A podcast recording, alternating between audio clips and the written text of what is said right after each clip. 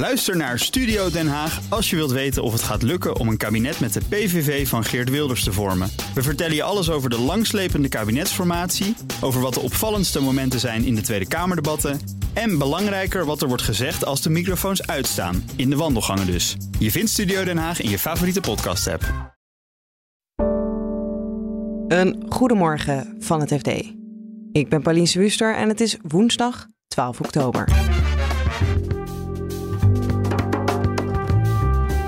We komen steeds meer te weten over het Field-onderzoek waar Frits van Eert verdachte in is. Ja, nu wordt wel duidelijk dat uh, de Field onderzoek doet naar de sponsordeals van Jumbo. Dat lijkt me voor Frits een hele onaangename situatie.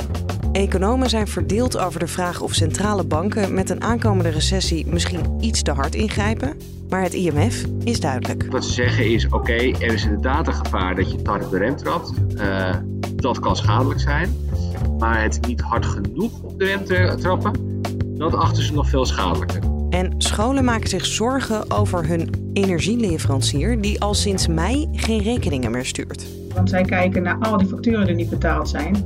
En denken, ja, hoe kan een bedrijf dat dat hè, bij al die andere partijen ook niet wint, hè, hoe kan die nog overeind blijven? Dit is de dagkoers van het FD. We beginnen met het Field-onderzoek, waar de onlangs teruggetreden Jumbo-topman Frits van Eert in verzeild is geraakt. Onderzoeksjournalist Bart Mos sprak met een van de verdachten, Hans V. Ja, een handelaar in campers en aluminiumplaten voor campers uit Rosmalen. Een, man is al wat ouder, 68 jaar. En een oude bekende van onze hoofdverdachte, Theo E. Want hij heeft een, een, een autohandeltje gehad uh, en die heeft hij verkocht of overgedaan aan Theo uh, al uh, negen jaar geleden in Assen. Nou, dat is Hans V. Maar Hans V heeft ook een zoon en die uh, rijdt rond in een hele snelle Porsche. en die is gesponsord door Jumbo. En wie heeft daarvoor bemiddeld? Theo E. Ja, dus zijn zoon is coureur. En was dat dan ook waar de Field meer over wilde weten?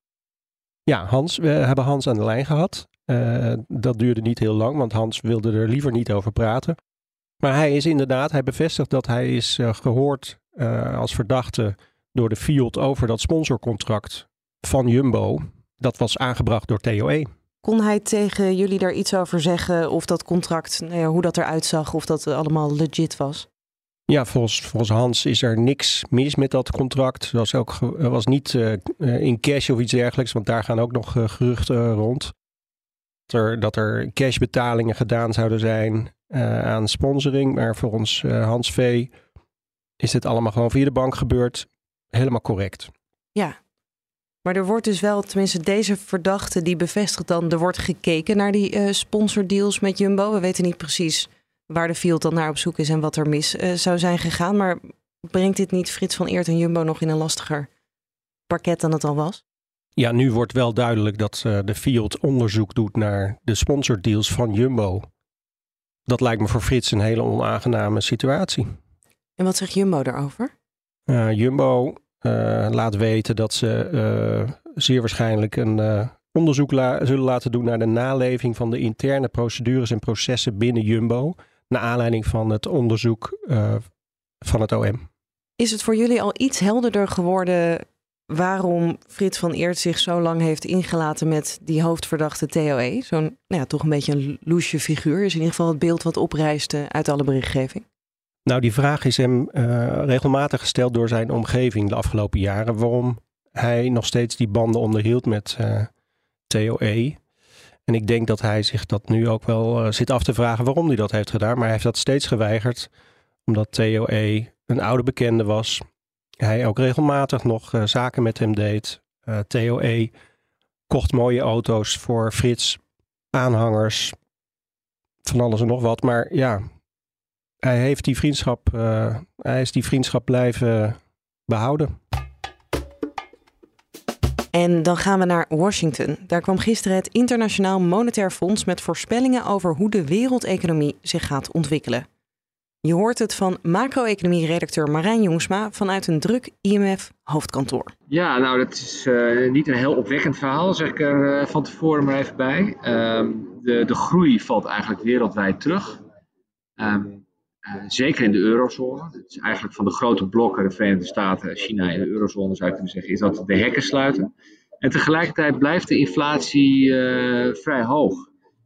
dus het is eigenlijk een combinatie van lage groei en ja, hardnekkig hoge inflatie. Wereldwijd verwachten ze dat de inflatie in 2023 op 6,5% blijft hangen. Nou, dat is, dat is best fors. En de eurozone zit daar niet zo heel veel onder. En Nederland doet dat vlak helemaal slecht.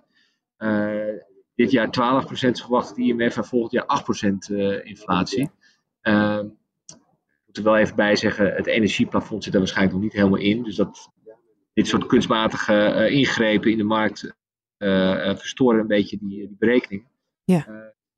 maar die inflatie, zegt het IMF, is eigenlijk de grootste vijand voor de economie, omdat het natuurlijk een enorme hap uit de koopkracht neemt. mensen kunnen uiteindelijk minder besteden. En ja, consumptie is een hele belangrijke eh, pijler onder de economie. Dus uh, ja, dat betekent ook minder groei. En je ziet nu eigenlijk dat er uh, een beetje een debat gaande is uh, in de wereld van economen. Van ja, het is heel leuk dat die, dat die centrale banken de rente zo hard verhogen om die inflatie te bestrijden. Maar misschien maakt het probleem nog wel erger. Dus ja. Ja, en wat zegt het IMF dan dat de centrale banken moeten doen? Nou, het IMF heeft een heel duidelijk advies. Uh, grappig genoeg is een van hun oud-hoofdeconomen, Maurice Opsveld, die heeft gezegd van ja jongens, uh, als alle centrale banken op de rem trappen, dan gaan we zo'n harde recessie krijgen dat die prijzen vanzelf gaan dalen. Dus doe nog maar een beetje rustig aan. Middel wordt erger dan de kwaal. Uh, het IMF zegt nee, houd koers. het is belangrijk dat we doorgaan met, met die verkrapping van het beleid. Ze signaleren ook dat centrale banken, naarmate de economie wat minder doet, onder druk komen te staan om pas op de plaats te maken. IMF zegt dat is een slecht idee en ze vinden dat niet minder dan de vertrouwen in de centrale bank op het spel staat. Dus eigenlijk wat ze zeggen is: oké, er is inderdaad een gevaar dat je te hard op de rem trapt. Dat kan schadelijk zijn. Maar het niet hard genoeg op de rem trappen, dat achten ze nog veel schadelijker. Dus als je moet kiezen tussen die twee kwaden, dan zeggen ze nee, je moet toch je moet toch echt hard op die rem trappen. En, en ze verwijzen ook naar allerlei onderzoek waaruit blijkt dat het heel lang duurt voordat dat beleid effect heeft. Uh, dat kan soms uh, jaren duren. Uh, dus het is een soort, ja, zou je kunnen zeggen, een langdurige strijd die volgens de IMF dus gevoerd moet worden. Hoe pijnlijk ook. Ja, maar is het dan niet onhandig dat, jij noemde net al even het energieplafond, dat onze overheden dan proberen onze, om onze koopkracht een beetje op peil te houden? Terwijl de centrale banken het juist proberen af te koelen en te verkrappen. Ja, dat uh, is helemaal juist. Uh, die, die synchronisatie van beleid, zoals we dat zo mooi noemen, die is volstrekt zoek. Zoals je zelf al zegt, de, veel overheden, niet alleen in Nederland, ook elders, die, die geven eigenlijk gas. Hè. Die zeggen van ja, wij moeten onze burger beschermen met goede redenen. Alleen, daar is IMF trouwens niet tegen. Hè. Alleen, het IMF zeggen ze dan, Doe het gericht, uh, richt je op de kwetsbare groep in de samenleving en gooi niet een enorme bak met geld in die economie, die uiteindelijk toch weer leidt tot meer vraag. En een economie die al gek genoeg nog steeds op volle toeren draait, uh, leidt het alleen maar tot meer inflatie, terwijl de centrale banken dat juist proberen te bestrijden. Dus eigenlijk zou je kunnen zeggen, als overheden niet een beetje meewerken, uh, dan moeten die monetaire autoriteiten, die centrale banken, moeten nog harder op de rem gaan trappen om hetzelfde doel te bereiken.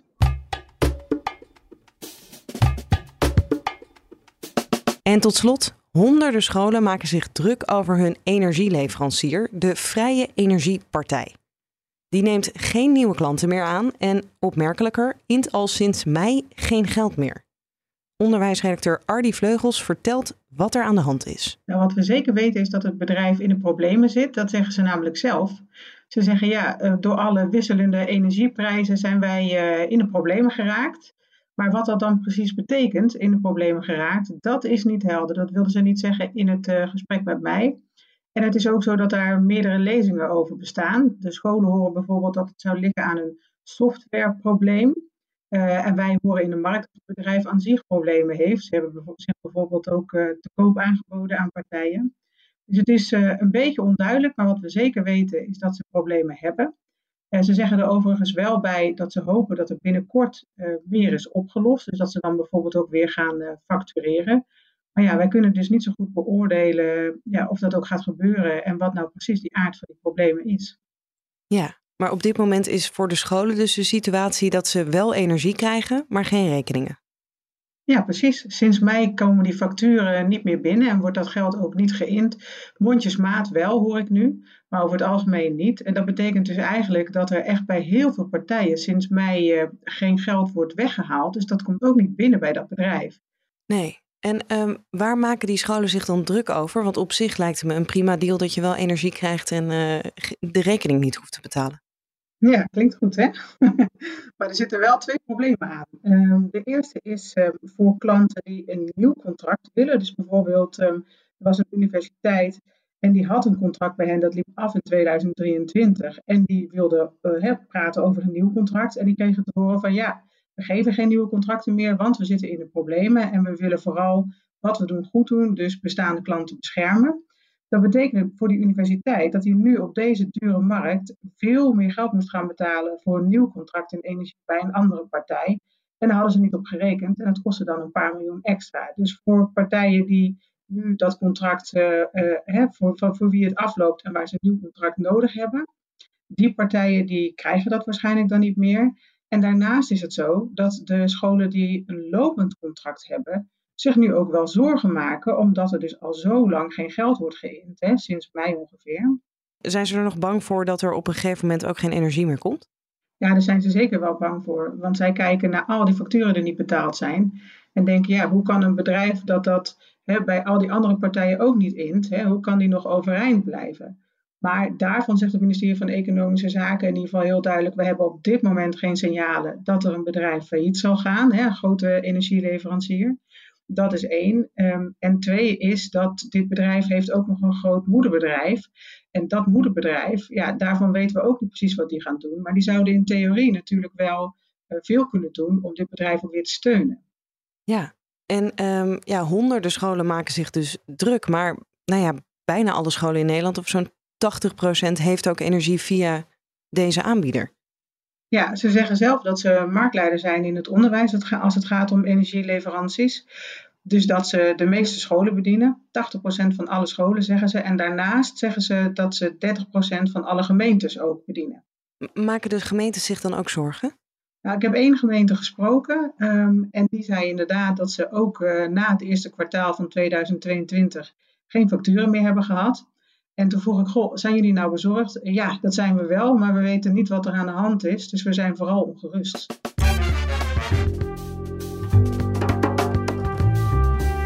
Dit was de dagkoers van het FD. We zijn er elke werkdag, dus morgenochtend staan we weer in je favoriete podcast-app. Als je even hebt geabonneerd op dagkoers.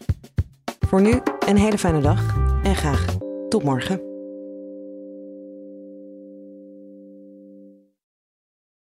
Ook Diana Matroos vind je in de BNR-app. Ja, inderdaad. Je kunt live naar mij luisteren tijdens de Big Five. Ook handig in de BNR-app. Breaking nieuwsmeldingen, maar ook het allerlaatste zakelijke nieuws. En je vindt in de app alle BNR-podcasts, waaronder Wetenschap Vandaag. Download nu de gratis BNR-app en blijf scherp.